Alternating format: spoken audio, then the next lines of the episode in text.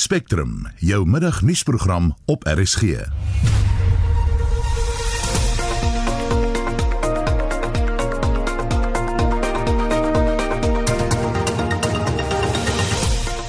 In die nuus, die Suid-Afrikaanse Mediese Vereniging nader die hof na twee dokters in Limpopo deur die regering gedwing is om in 'n hospitaal opgeneem te word na hulle in self-isolasie was. We've just arrived at the TB hospital where we are supposed to be quarantined, forcing us out of our house in the middle of the night when we have been complying with the self isolation rules fully up until this point.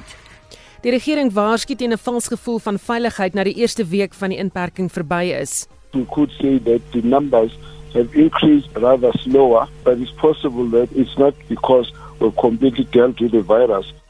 'n Ontleder deel sy mening oor die besluite wat ministers op individuele vlak neem oor die COVID-19 regulasies en later in die program kry ons raad oor wat om met jou honde te doen as jy nie met hulle kan stap nie. Goeiemiddag, welkom by Spectrum. My naam is Susan Paxton. So bykans 12 minute oor 1 welkom terug by Spectrum. Daar is uh, tans 1462 bevestigde gevalle van COVID-19 in die land. Dis 'n toename van 82. Die departement van gesondheid sê die toename in gevalle van COVID-19 val nog binne hulle vooruitskattinge. Die minister van gesondheid, Dr. Zweli Mkhize, waarsku egter dat daar nog onduidelikheid is oor presies wat in die informele woongebiede gebeur. Well, you know, this is an infection and these are people. So it's very difficult to always predict what will happen.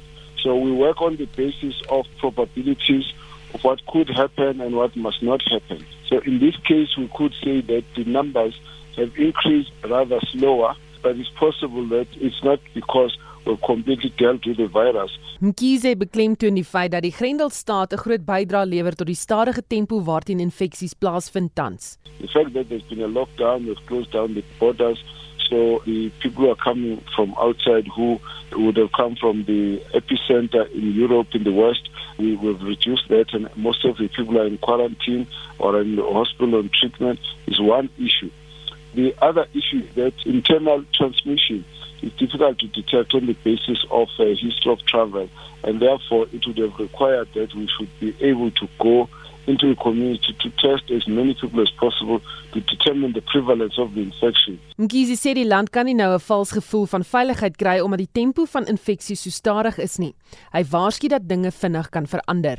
The number can go up dramatically. There are a number of constraints that could be making the virus not to be as visible or to grow as fast. Fact that we have been able to limit mass movement in trains, in buses, in taxis, and mass meetings, in sports, in churches, is actually a huge contribution. Then, of course, we need to make sure now we deal with social distancing and ensure that there's good hand hygiene. Those are very, very important issues. But at the same time, the numbers of people who have been coming to test are those who could probably have easier access to the health services and those who might be showing some symptoms. There are many people who will not take the symptoms seriously because you know, it's a cough, it's a cough, it's a flu, it's a cold, it's a cold. So those symptoms people live with them. Die hoeveelheid mense wat in taksies vervoer mag word, het die hele land aan die praat. Vroeër die week het die minister van vervoer, Fikile Mbalula, aangekondig dat die maatreëls vir taksies in die tydperk verslap word. Die besluit is egter oornag omgekeer. Mkhize sê die gebruik van openbare vervoer in die tydperk bly 'n moeilike kwessie. You know, there's a big risk of us trying to create an impression that the virus is a problem of people who travel in taxis, when in fact we know that the virus will obviously take advantage of any situation where there's poor hygiene, there's close proximity, and easy spread from those who have got the virus. I think we're dealing with a difficult situation of can you have people in a taxi and no risk of anyone getting infected? The answer is not quite. So we have to try and do our best within very limited difficult circumstances. Mkhize wou homself nie uitlaat oor die kwessie van verkope van sigarette nie. Look, I don't want to be too much on that issue. I can just say it is true that cigarettes are not really an essential service. It's also one of the warnings was given to say people must reduce or stop quit smoking because it also is going to be a contribution into the resilience of their respiratory tract to be able to fight this virus. And those are the basic issues that I think we need to use to look at whether uh, we should be encouraging cigarette smoking or not. Kiesi sê dit is nog te vroeg om te sê of die staat van inperking werk. Well, South Africa is close to 58 to 60 million people. If all of them were doing everything and the last few were not, should we say that's a failure of the lockdown? I think that we should expect that there will be instances where we're going to have to, you know, be tougher to get people to behave in a particular way. The lockdown, as things stand now, really has assisted. The reduction in the movement of people has been a great factor in the limitation of the spread of infection. That I've got no doubt about. The extent to which we can sustain it is another issue. And whether it says is lockdown is successful when the economy is grinding to a halt is another question. Because the reality is that sooner or later, people would need to have adequate revenue, income to be able to buy food and buy essentials, and the economy need to be able to be driven by a lot of factors that we have already called to a halt right now. So it's a very difficult situation that we have. I think if we're going to draw a line and make it black and white, it's not going to work. I think we need to understand that it's a complex matrix of a combination of circumstances that we are trying to save people's lives. Dit was die minister van gesondheid Zwelem Kize. Die Mangaung Metro sê mense wat aan die COVID-19 virus dood is, se oorskot sal as 'n gesondheidsrisiko beskou word. Dit beteken dat naasbestaandes onder geen omstandighede toegelaat sal word om 'n liggaam huis toe te neem nie, het sy vir 'n besigtiging, higieniese voorbereidings, kulturele of godsdienstige redes. Vir meer hieroor praat ons nou met die begrafnisonderneming Afpop se hoof van koöperatiewe aangeleenthede Adrian Bester. Goeiemôre Adrian. Goeiemôre Susan. Wat is begrafnisonderneming se protokol wanneer dit kom by COVID-19 sterftes? Ja, so ons ons protokolle is uh, tot 'n mate nou voorgeskryf deur ehm um, die minister, maar uh, organisasies soos Afbop het in ieder geval al oor jare se tyd uh, protokolle gehad met die uh, hantering van uh, liggame wat potensieel gevaarlike of aansteeklike siektes mag dra. Uh, So, ehm um, in hierdie geval nou spesifiek het die minister gesê so 'n persoon moet waar die sterfte eintlik ontstaan, met ander woorde by die hospitaal of ouerhuis of waar die persoon ook al woon.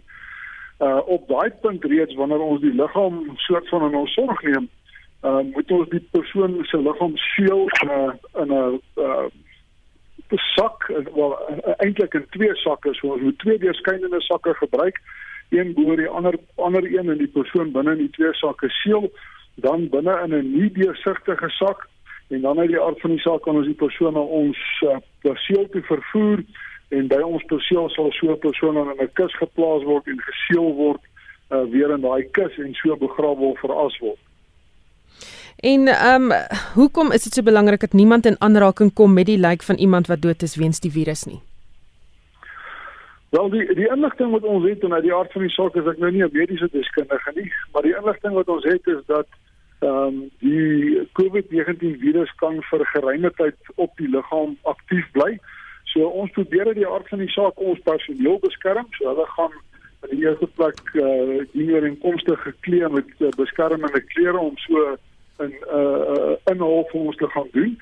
Maar dan wil ons natuurlik al die ander mense langs die pad af beskerm, né? Nee, so ons moet probeer om die familie te beskerm. Uh ons probeer uit die aard van die saak om te sorg dat van daar waar die sterfte vir, uh, gebeur daar nie dan na uh, verdere verspreiding van daai persoon af in terme van die virus kan wees nie. Dien watter uitdagings kom begrafnisondernemings te staan met sterfte soos die veral op kulturele vlak waar dit vir baie mense belangrik is om vir ou laas afskeid te neem? Ja, ek dink uit, uit die aard van die saak die afsterwe van enige geliefde is 'n is 'n emosionele ding.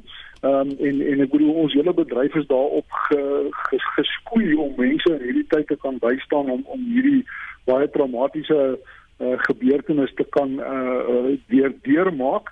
Ehm um, on, on, ons weet dat daar 'n klomp rituele is wat gepaard gaan met rou en hierdie rituele ehm um, help mense ook om die sterfte beter te kan aanvaar oor tyd ehm um, en soort van daarmee te kan vrede maak.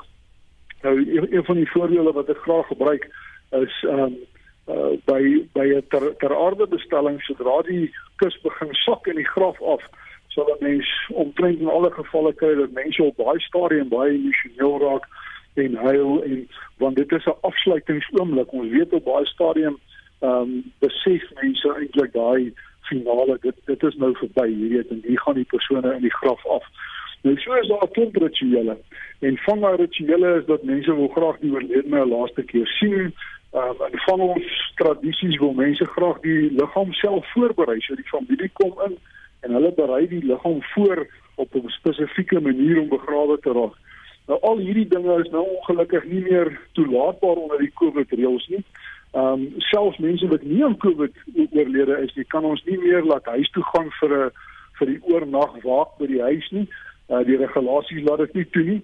So die, ons is ongelukkig in 'n situasie waar waar ons sal moet kompromie aangaan ehm um, en en waar ons uh, soort van in in die beste voordeel van die algemene bevolking op te, uh, optree alhoewel dit dan nou op baie stadium teen ons eie individuele ehm um, gebruik of tradisie mag wees. Um, ons verstaan dat hospitale soms hele raad vra wanneer dit by die sulke sake kom. Ehm um, gebeur dit? Ja, ons het ons het 'n bietjie konsultasiewerk gedoen met eh, eh, eh, 'n uh, uh, paar van die provinsies, uh, die provinsiale uh, regerings en en dan natuurlik ook met met individuele hospitale as sulks. Ek dink dit is maar vir ons almal 'n klein bietjie vreemd, um, soos ek sê, afop het al voorheen te doen gehad uit die aard van die saak met met uh, uh sterftes waar mense oordraagbare siektes uh, mag hê. Maar uh die omstandighede nou is 'n bietjie bietjie uh, abnormaal. Nie, nie net 'n bietjie nie, maar baie abnormaal. En uh, ons het maar bietjie met mekaar by mekaar gekonsulteer en geleer en gevra en uh oor en weer raad uitgeruil. So ja, daar was konsultasie. Baie dankie. Dit was Adrian Bester, die hoof van korporatiewe aangeleenthede by die begrafnisonderneming Afpop. Die Suid-Afrikaanse Mediese Vereniging het vanoggend die hof genader oor die hardhandige wyse waarop twee van hulle lede behandel is. Twee dokters, Darren Williams en Claire Olivier, wat werksaam was by die Mamatlake Hospitaal in Mpumalanga, maar wat woonagtig is in Modimolle in Limpopo, het positief getoets vir COVID-19. Hulle het self-isolasie toegepas in ooreenstemming met die regering se opdrag.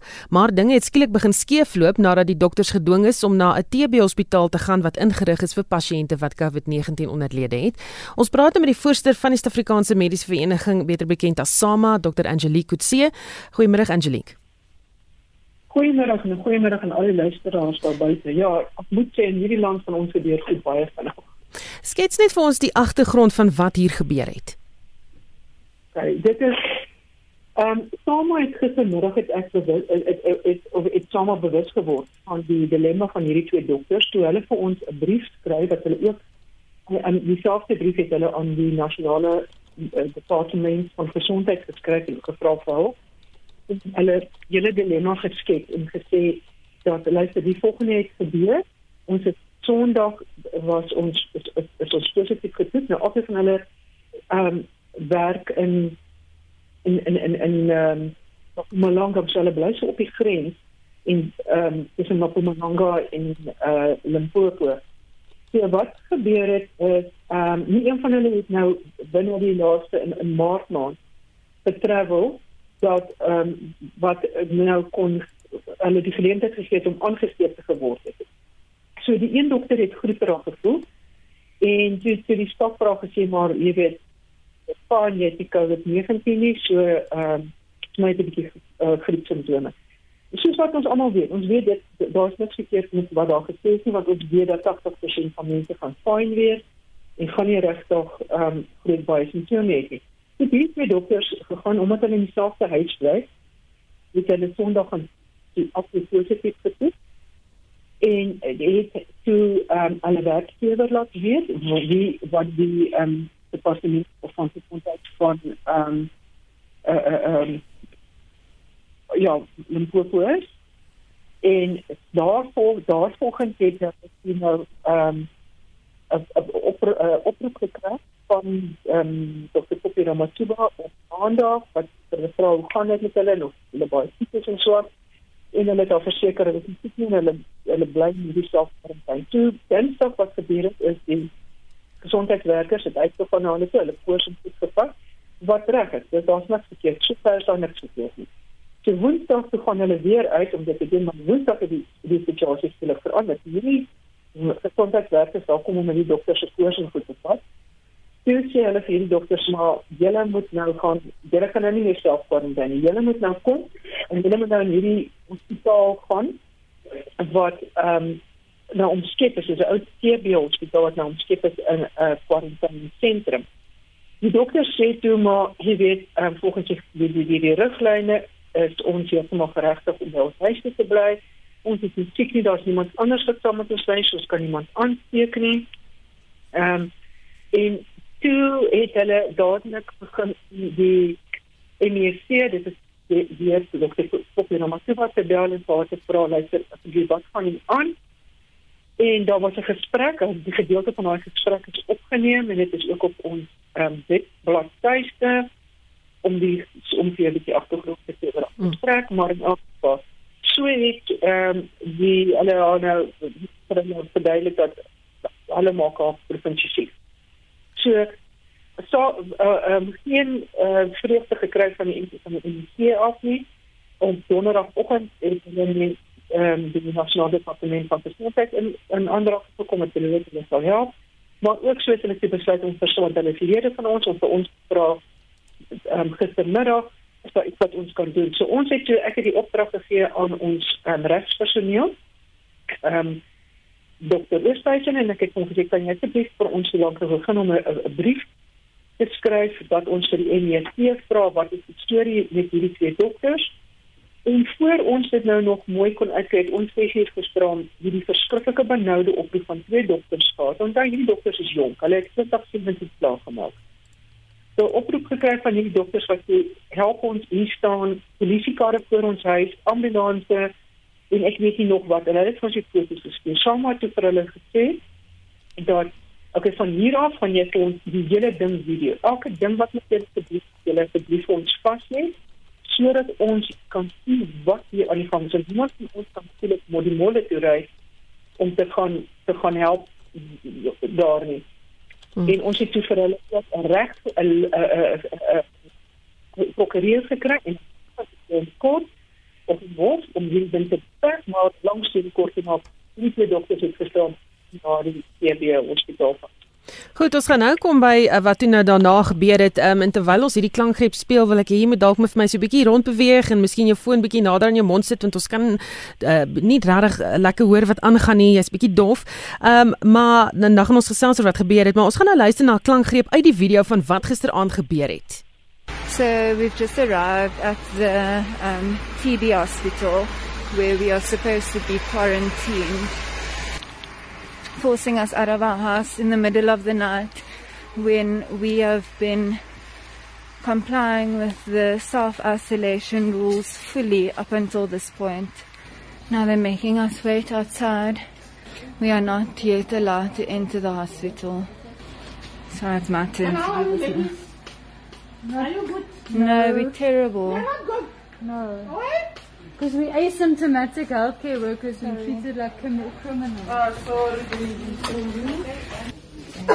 Thank you. Thank you. You're welcome. Mm. Linda, Linda, Linda. Mm. Is this my room? Yes. Okay, so now I'm having to evacuate my own bugs because no one will enter my room. Locked in the room like a criminal in a prison cell.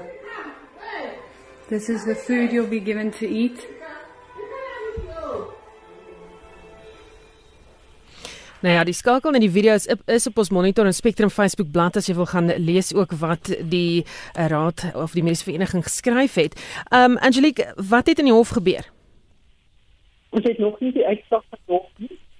Um ons hopelik ons binne die volgende uur en dan om en dan dan wat is ehm um, 'n weg vorentoe op hierdie storie? Maar dit is onaanvaarbaar onthou net altyd wat ons sê. Hierdie gaan nie net oor 'n dokter nie. Hierdie gaan oor die prinsip. Die prinsip van hoe dit verkeerd gaan met hierdie dokters as dit met ander mense gaan gebeur. As dit met die luisteraar daar buite hulle is nie 'n sama wat hulle kan bel nie. Hulle is ook nie ingelig soos dokters nie. So wat gaan daai persoon maak En jy het nou hierdie video gesien. Jy het gesien hoe lyk die plek waaraan hulle is. Jy het die kos gesien. Jy het gesien hoe word hulle regtig toegesluit en onthou daar was geen toiletpapier nie. Sê vir my, ehm um, is hierdie optrede teenstrydig met die uh, byvoorbeeld die boodskap wat die regering uitstuur met betrekking tot die taksies en hoeveelheid mense wat daarin vervoer mag word? Natuurlik. Natuurlik. Aan die een kant het ons ehm um, het, het ons uh, het ons riglyne wat eintlik deur die nasionale departement van gesondheid daar gestel is. Hierdie riglyne sê baie duidelik hoe hoe en wie kan self isoleer en behandel word. So dan is, dan is ons ICC wat besluit, hulle gaan dit op 'n ander manier doen en hulle gaan ander ander riglyne volg, hulle eie riglyne. Dan kom ons terug, dan is ons 'n minister van vervoer wat op sy eie besluit dat koronavirus is nie so erg nie. Jy kan vir jy kan vir 'n iemand in 'n taxi net 'n masker gee. En dan kom ons almal so sardientjies in daai taxi sit en ons gaan nie siek word nie. Dit is dit is absoluut onaanvaarbaar. Dit voel of ons in 'n wêreld bly waarin iemand dagga gerook het, maar dit is definitief nie ek. Goed, met dit alles ja. Ehm um, vir tydsgewys Angelique, skus ek val jy daar in die rede, maar met dit nou alles gesê, julle is besig met 'n hofsaak. Ons sal die storie volg soos dit ontwikkel. Ehm uh, kom ons praat net oor COVID-19 en waar ons nou trek met die pandemie. Hoe belangrik is dit dat mense egter steeds hou by die staat van inperking in hierdie tyd? Natuurlik moet jy daarby hou, want ons gaan nie hierdie kurwe platter kry nie. Die jy weet Suid-Afrika is 'n unieke land. Ek sê dit altyd en ek en ek is verskriklik patrioties teenoor my land. Maar ons kon dit nie eers reg gekry het om vir een week of, of vir een volle week ehm, 'n 'n regte lockdown te hê nie. Ons het om klaar vandag begin breek. En ons gaan nie kurwe met hierdie weer wat ons buitekant het. Gaan ons nie hierdie kurwe onder beheer kry as ons nie almal daadwerklik ons kans bring nie.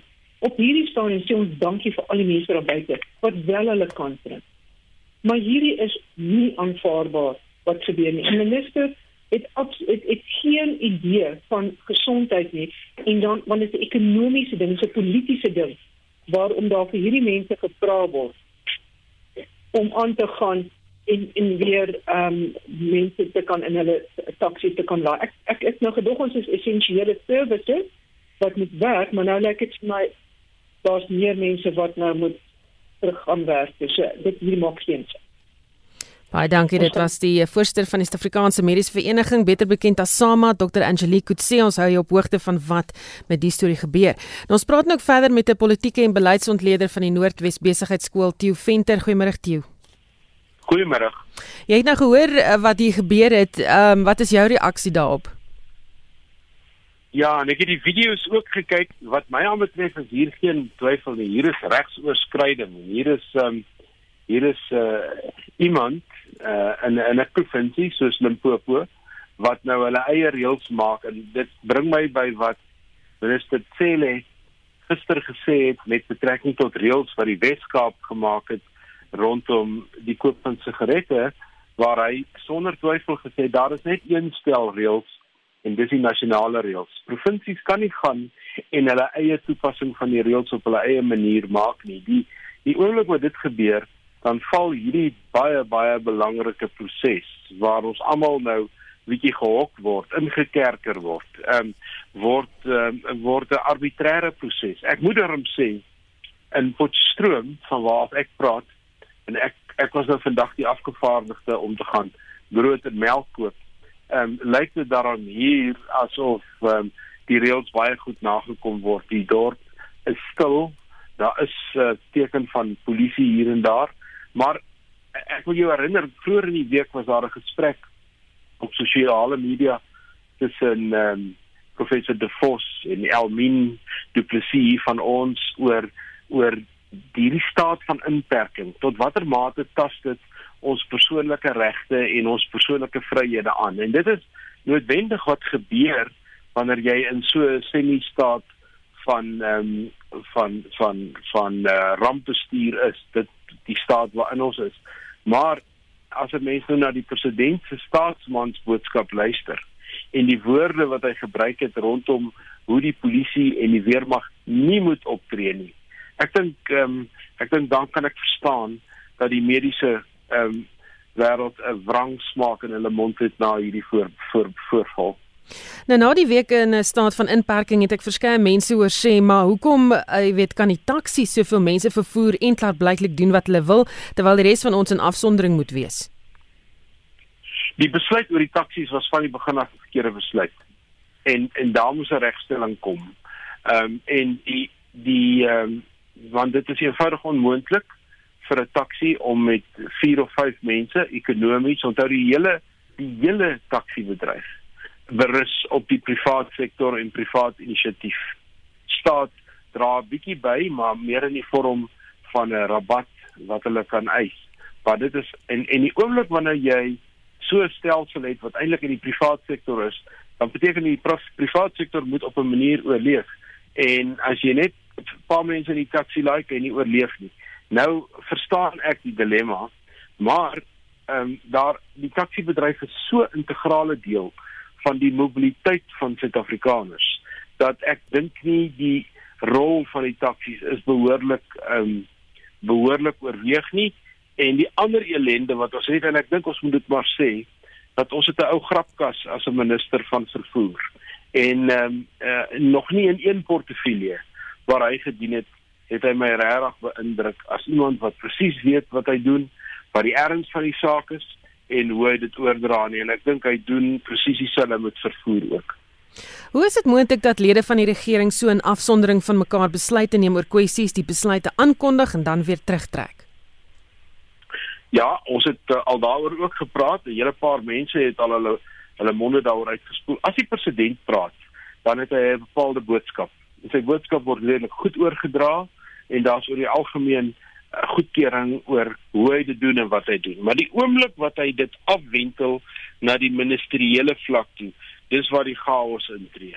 Dit is waar um, verskillende ministers en en en en departemente verskillende reëls tref. En uh, ek ek is net nie seker tot watter mate daar 'n gesentraliseerde oorsig is oor hoe doen hulle dit nie. Ek ek ek praat onder korreksie, maar ehm um, as 'n mens hierdie soort ding wil bedryf en ek stem met die vorige spreker saam Suid-Afrika is 'n unieke land. Ehm um, modelle vir hierdie virus, modelle vir menslike beweging in Suid-Afrika is heeltemal anders as enige van die lande wat tot nou toe ehm um, gehanteer is. Ehm um, dit is ons stedelike en ons platlandse samestelling. Dis die mobiliteit van mense wat in die week in die stede bly en oor naweke in die platteland vertoef en dit is mense wat die hele tyd heen en weer beweeg. Dit is ehm um, dit is 'n baie baie moeilike proses om te hanteer en ek dink die weermag se vermoë, of die polisie se vermoë is beperk.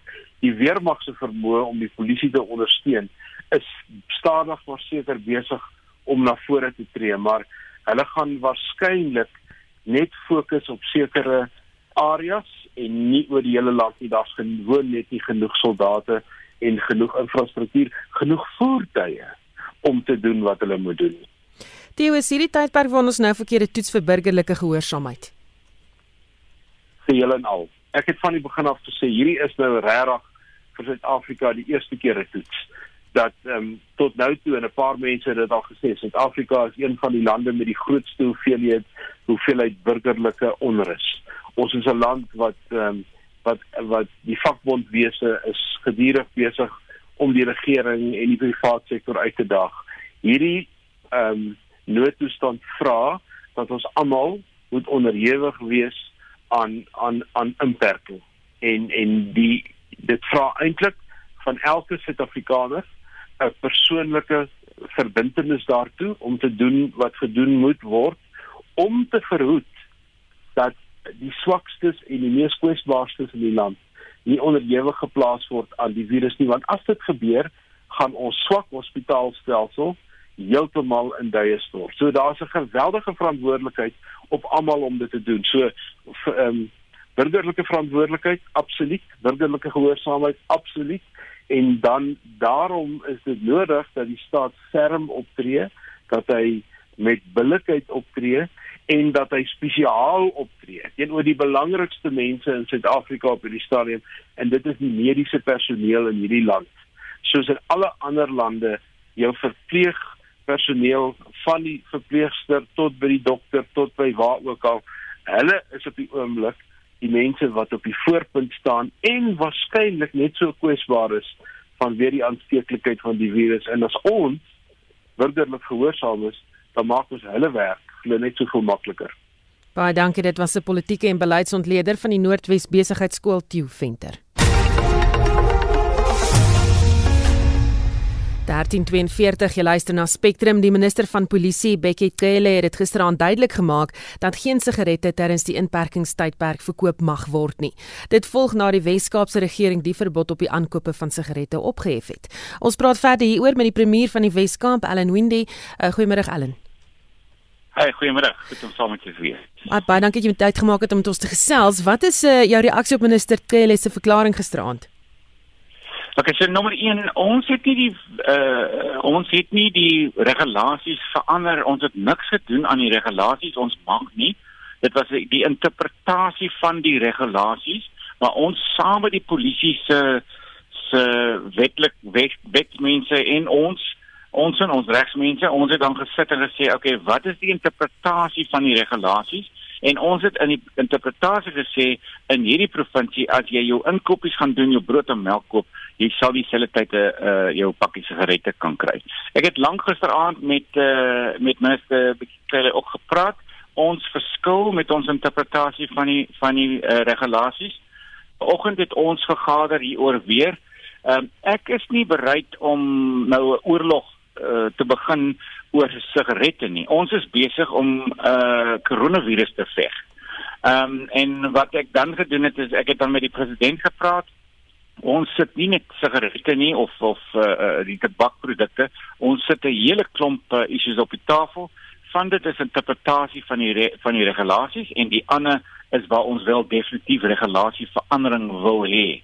Met ander woorde die die toelating dat uh, veral elektroniese uh, maatskappye en winkels kan oopmaak as hulle aanlyn is om vir mense uh, IT produkte soos soos laptops of of modems of uh charges of daai tipe dinge kan verkoop want ehm um, ons skoolkinders veral moet nou begin uh aanlyn weer kom um, om hulle skoolwerk te doen ter, terwyl ons nou in die lockdown sit.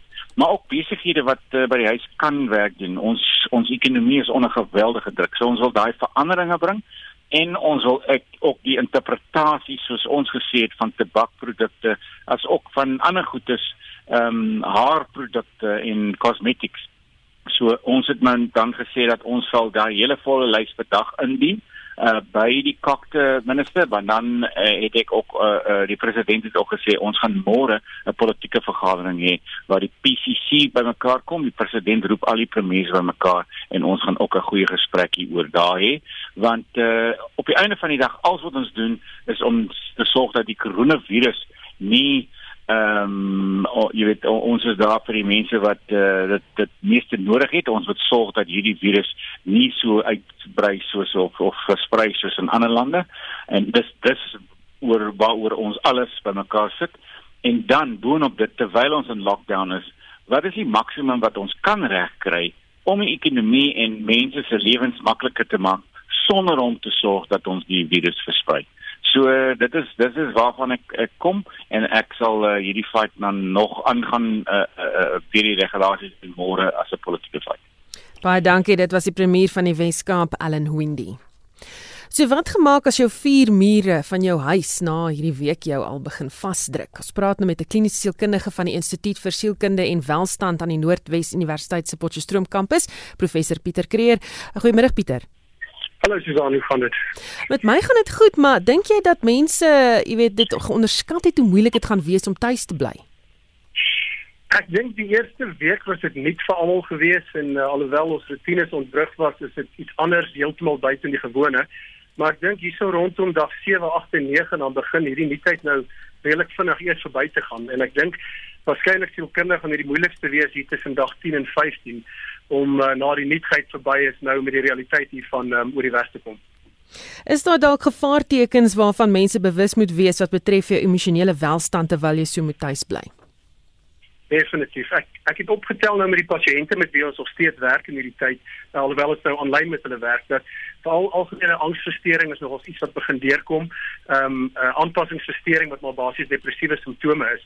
Maar ehm um, ek dink van die beste ehm um, of belangrikste gevaarsimptome waarvan ons bewus moet wees is veral as mense aanhoudende oormatige kommer of angs het.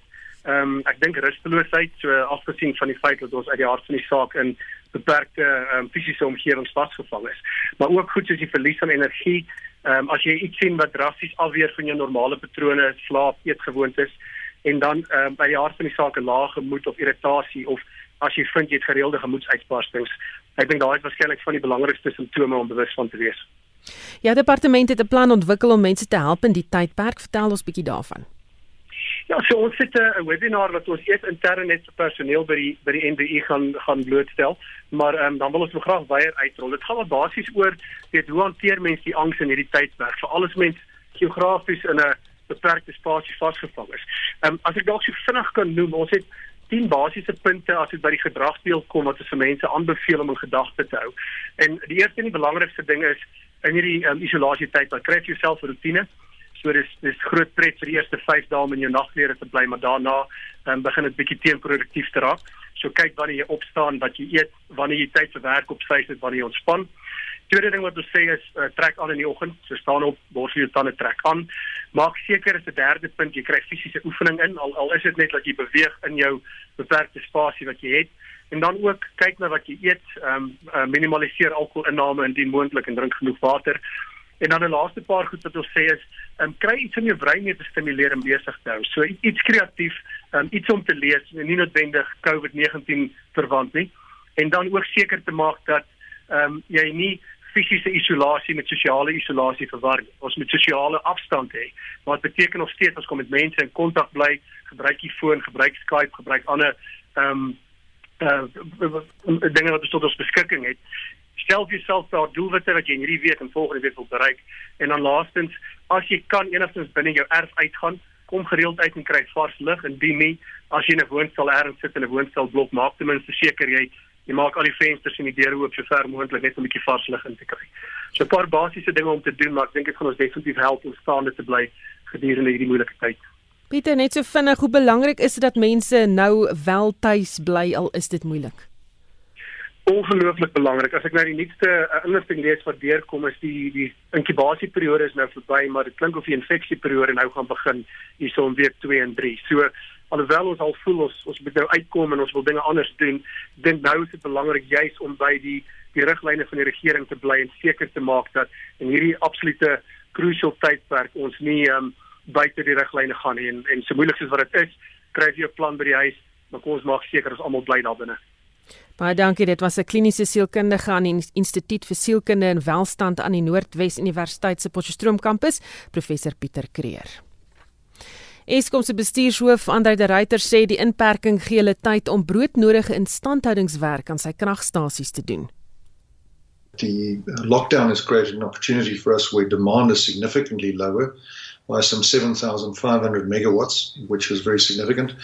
And that has enabled us to double our normal short term maintenance program. So we are using the opportunity to expand and extend uh, our attempts to make Eskom a more reliable supplier. As we have had to put some of our units into cold storage in order to cater for the significantly lower demand, first of all, as I've said, we've been doing maintenance.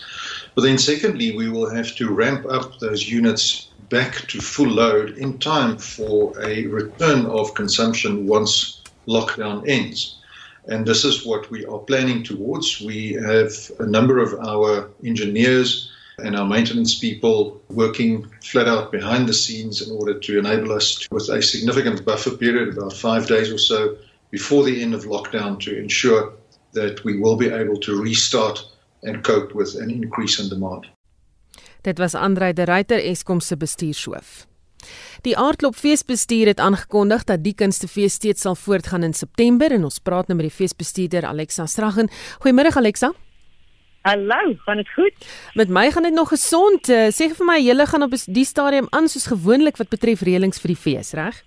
Ja ja, ja, ons sê jy weet dit is moeilike tye. Ou moet maar aanpasbaar wees, maar tans beplan ons en hoop ons dat alles goed gaan verloop en dat ons einde September kan feeshou, soos altyd. Die regering het aangekondig dat die September skoolvakansie se datums uh, dalk aangepas gaan word. Uh, het dit julle datums beïnvloed of kan dit julle datums beïnvloed?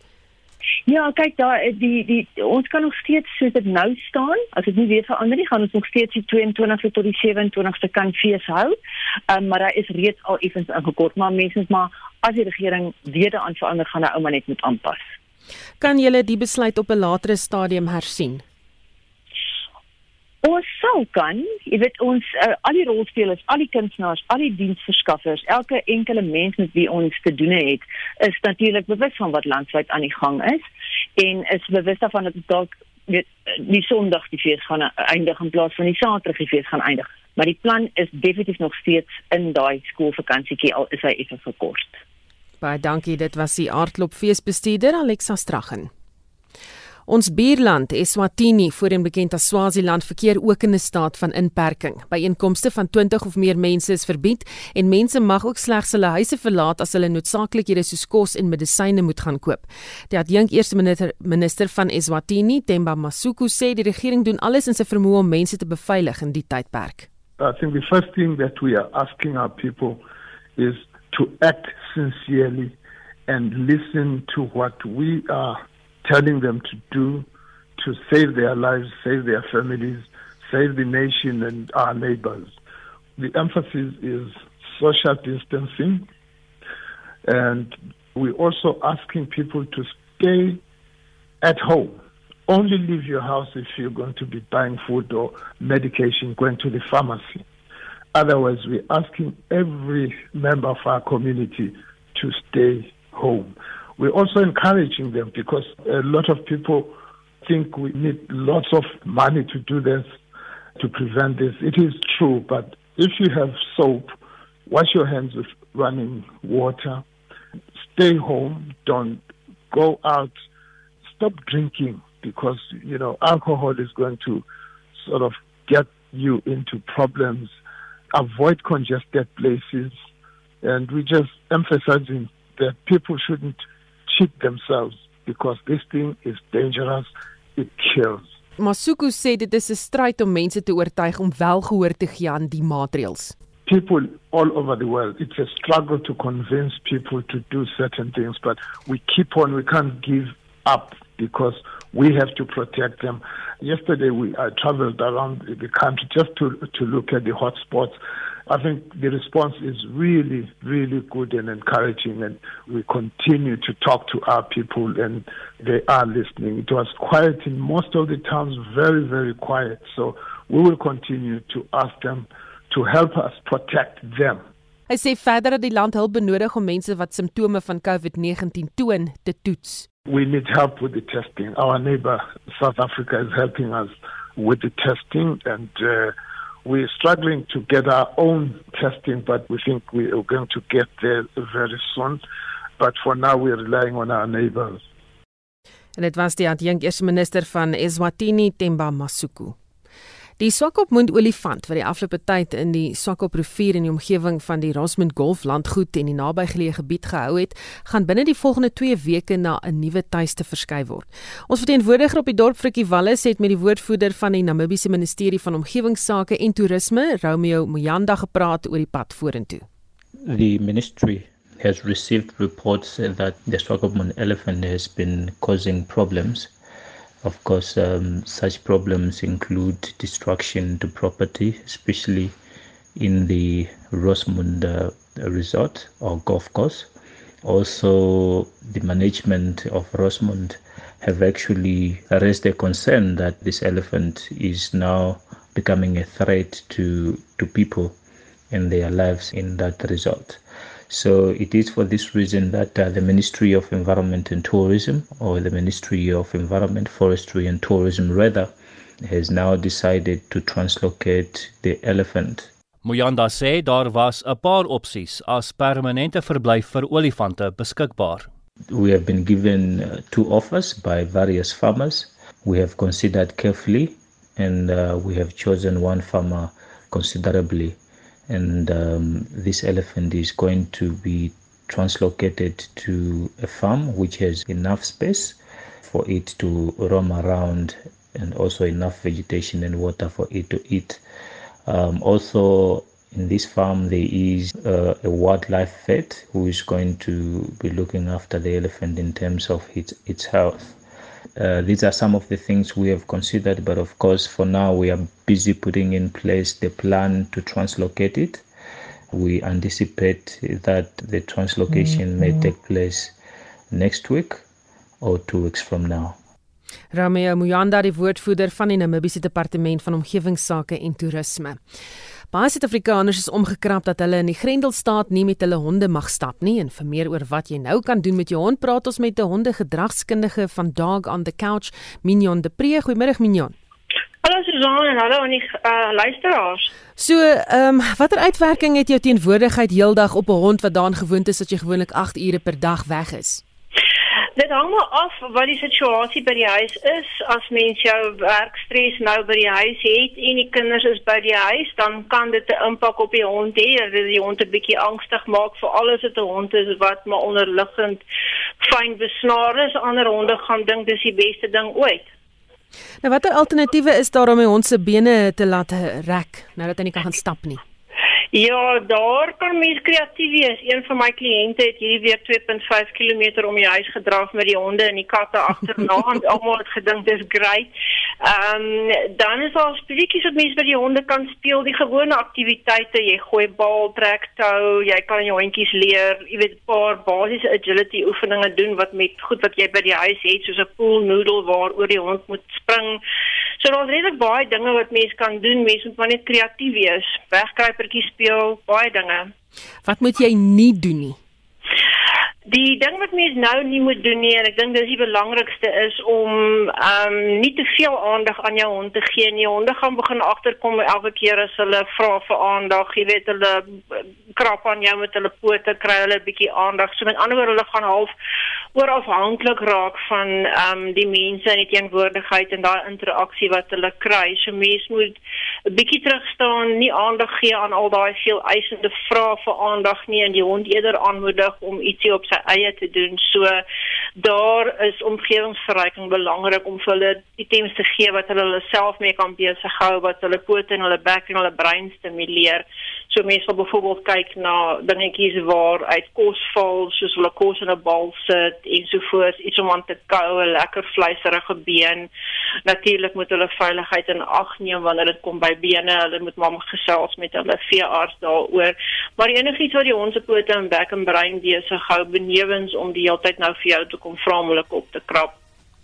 Ja, en dit was die stem van Mignon de Pre, ondergedragskundige van Dog on the Couch met 'n bietjie raad oor wat jy met jou vierpotige vriende kan doen in hierdie tydperk en uh, die basiese eerder die kruks van die saak is wees kreatief. Nou daarmee groet die Spectrum span uh, vir vanmiddag. Ons is weer maandagmiddag terug. Onthou naweek aktueel môre middag tussen 12 en 1. daarmee groet ek. My naam is Susan Paxton. Geniet jou middag.